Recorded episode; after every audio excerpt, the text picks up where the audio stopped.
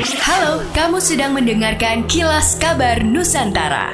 Podcast persembahan KG Radio Network menyajikan berita harian yang mengangkat keunikan dari berbagai wilayah Indonesia. Kilas Kabar Nusantara dapat juga didukung oleh pengiklan loh.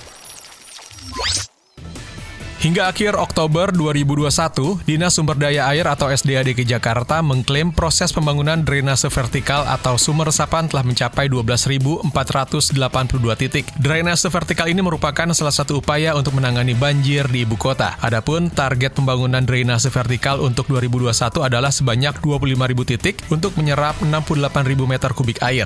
Dijelaskan oleh Sekretaris Dinas SDA DKI Jakarta Dudi Gardesi, selain tujuan utama untuk melakukan recharge terhadap air tanah, proyek drainase vertikal juga merupakan upaya untuk meredam genangan-genangan yang sifatnya lokal. Langkah lain untuk mencegah terjadinya banjir, SDA DKI Jakarta juga telah melakukan pengerukan di waduk, kali, embung, hingga saluran untuk menambah kapasitas daya tampung air. Menurut Dudi, setidaknya pihaknya telah melakukan pengerukan di 32 waduk, situ, dan embung dengan volume pengerukan 626.546 meter kubik. Pompa-pompa pengendali banjir juga sudah dalam kondisi siap, baik yang statis maupun yang mobile. Sebelumnya, Gubernur DKI Jakarta Anies Baswedan mengatakan pihaknya memiliki beberapa Key Performance Indicator atau KPI dalam penanganan banjir di ibu kota. Di antaranya adalah memastikan tidak ada korban jiwa akibat dampak banjir. KPI lainnya adalah banjir harus surut 6 jam setelah hujan berhenti, atau 6 jam setelah air dikali dalam kondisi normal. Eits, suka cerita horor, pop, sejarah wayang, dan kriminal. Nah, setiap Jumat akan tayang podcast drama udara persembahan Motion KG Radio Network by KG Media yang siap menghibur akhir pekan kamu. Pantengin terus podcast drama udara di Spotify ya.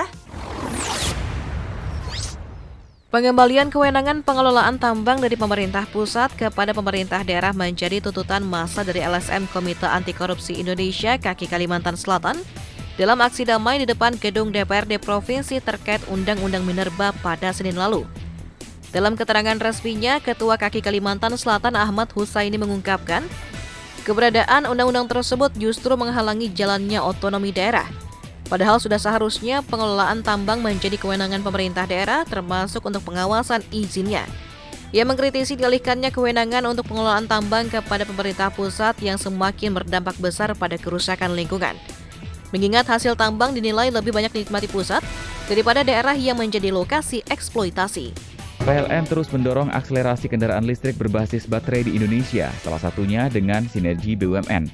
Melalui anak usaha PLN PT Haleora Power dan PT Wika Industri Manufaktur melanjutkan sinergi penyediaan sepeda motor listrik dengan jumlah total hingga saat ini mencapai 264 unit. Direktur Manajemen Sumber Daya Manusia PLN, Shofi Valienti Rukman mengatakan, PLN secara bertahap mendorong akselerasi kendaraan listrik di tanah air.